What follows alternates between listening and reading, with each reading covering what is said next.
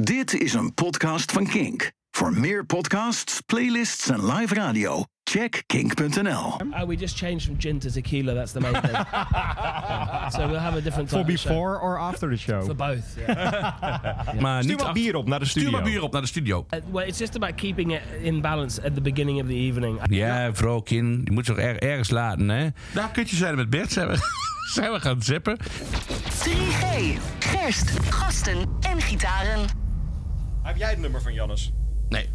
Heb jij het nummer niet? Oh, sorry. Oh, we zijn al begonnen. Oh, Ja, kut. joh. Oh, sorry. Ik weer was een even week verder. afgeleid. Oh, excuus. Maar je hebt het nummer van Jannes niet. Ik heb niet het nummer van Jannes, maar dat hoeft ook niet, want we hebben Jannes gesproken op Lowlands. Ja, dat is wel te gek. Eh Vols was Oh, door... Ja, het gaat over Jannes. Jannes. Hij heet eigenlijk Jannes. Jannes. Jannes van Vols. Hi.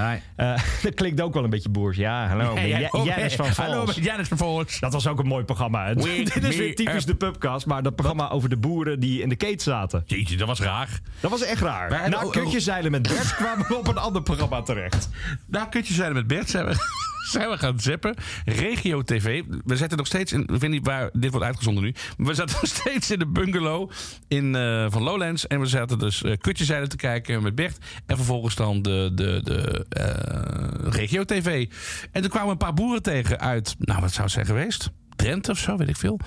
En eh, die waren hun toekomstperspectief een beetje aan het eh, uitleggen. Ja, vrouw, kind, je moet ze toch er- ergens laten, hè? Doe maar hier en een keert. Nou, dat was, was echt heel... En ze Met hadden een allemaal... ballenbak in de keet en Precies. een Playstation. Er was één boer die stond daar eh, te vertellen in, eh, dat, dat hij ging vertrekken... omdat de regelgeving in Nederland hem niet zint. En dan ging hij naar Spanje. eh, Spanje. En hij stond tussen de, de koeien daar... en hij had in zijn achterzak had hij een, een fles Grols. Ik moest zo om lachen. Dat vond ik heel grappig. Dat was echt heel mooi. Maar toen Ja. kwamen we dus bij Jannes van Vols. Yes. Eh, ik heb hem ooit gesproken in de pub in eh, Londen. Dat was hun favoriete pub. Daar hebben ze toen een interview gedaan over het eh, album.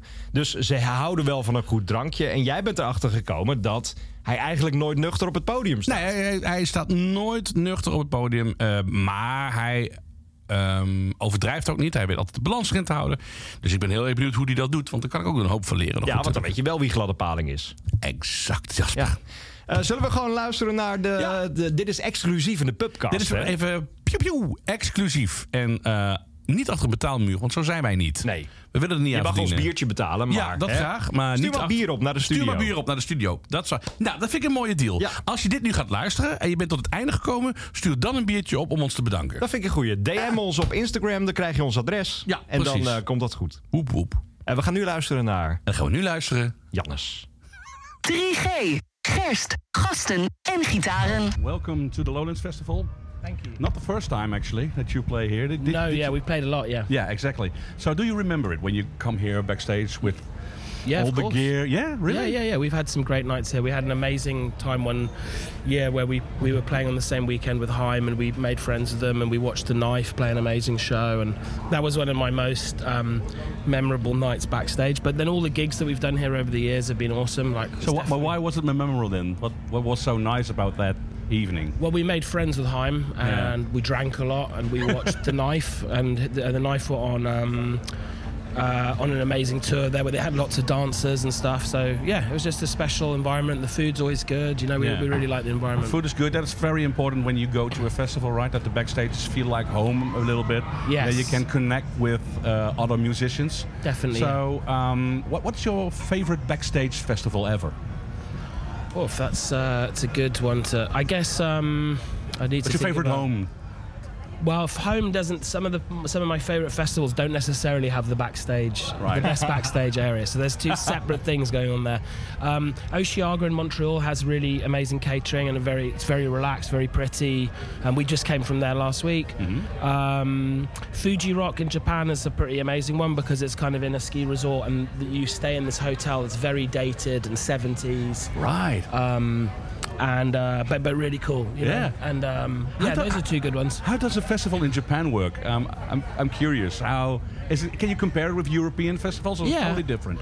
No, yeah, there's lo- there's similarities, but obviously some differences culturally. I heard the audience in Japan is very different from the rest of the world because they don't cheer during songs or something. yeah, there's a kind of yeah, there's a different. I guess there's a different um, way of receiving the music. Yeah, yeah, yeah. Um, yeah.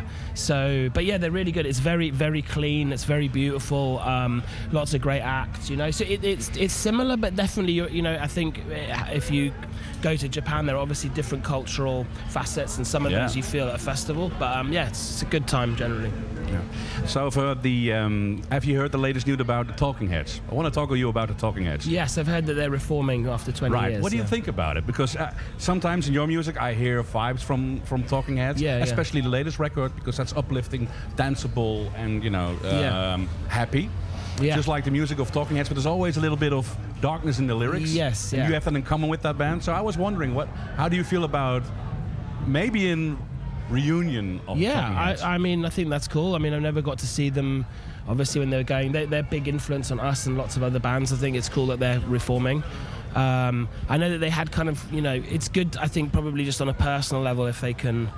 Um, find a way to be in the same room. You know, it's obviously kind of um, sad if bands can't hang out with each other and stuff. So, um, yeah, I think it'll be cool. It'll be great to see them live. I mean, David Byrne's been doing amazing stuff, and obviously, Tom Tom Club were amazing afterwards. So it's not like you know they've done lots of exciting projects since Right. as well. But How do you guys keep it fresh for yourself? Because you've been around for ages now with Falls. yeah, um, I mean, musically, I think that we just try to like explore different avenues. So, like you're saying, the, the last record was different. Um, a different atmosphere from the ones before, so we just tried to explore with new textures with each album. Um, and I guess socially, it's not. I don't think you know we're like we're like family. So you don't say to your family how, like how do you keep it fresh with your family? Hmm. Um, you're just family. So I don't Mm-hmm. think. Um, but yeah, we tried to like we tried to keep the rider fresh. We tried to change the stuff on the rider every now and again. What's the new thing on the rider for Lowlands this time? Uh, we just changed from gin to tequila. That's the main thing. Yeah. so we'll have a different For type of show. before or after the show? for both. Yeah.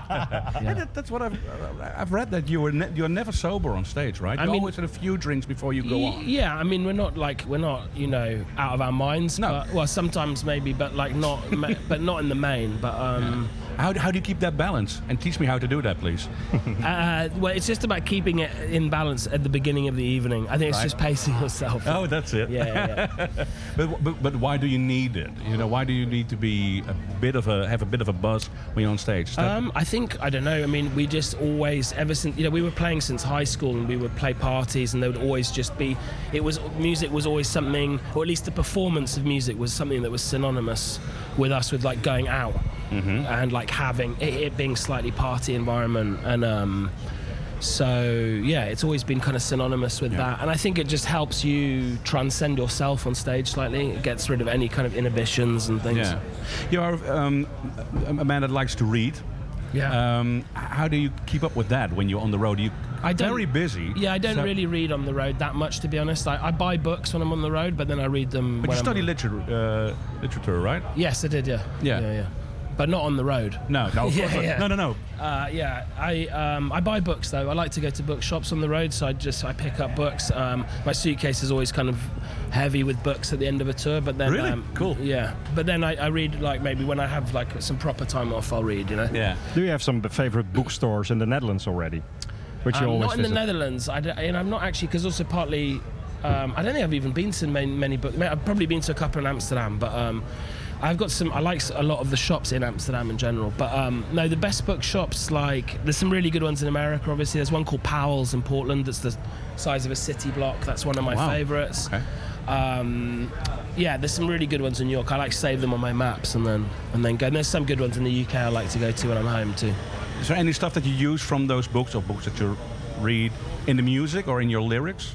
Do you do you nick sometimes little sentences here and I there? don't know about like Nick, but um, but yeah, I definitely yeah, I definitely kind of absorb like a lot of stuff from poetry for li- in terms of for lyrics from poetry. Right. Yeah. So I'll read po- I'll read po- Modern po- uh, poetry or yeah modern poetry. Yeah. okay? Yeah, I don't really read like yeah mainly modern.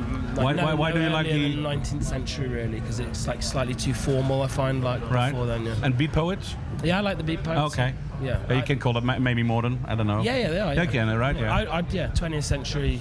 Yeah, I kind of got into the beat poets.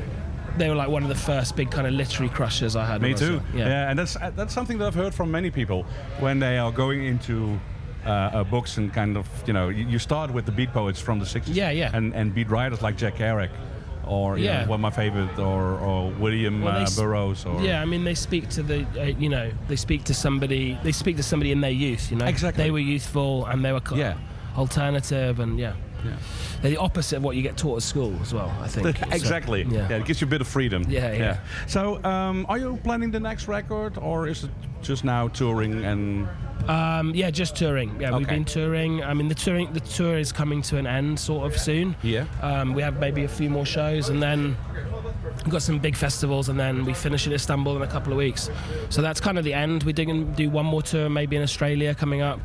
Um, but yeah, we'll just have some time off and stuff. How good are you at writing new lyrics while being on tour? Because some artists can do it when the, when they are on different places. Some can't. Yeah, um, I, I, it's pretty good for me. Usually, I, I do like quite a lot of writing when I'm traveling.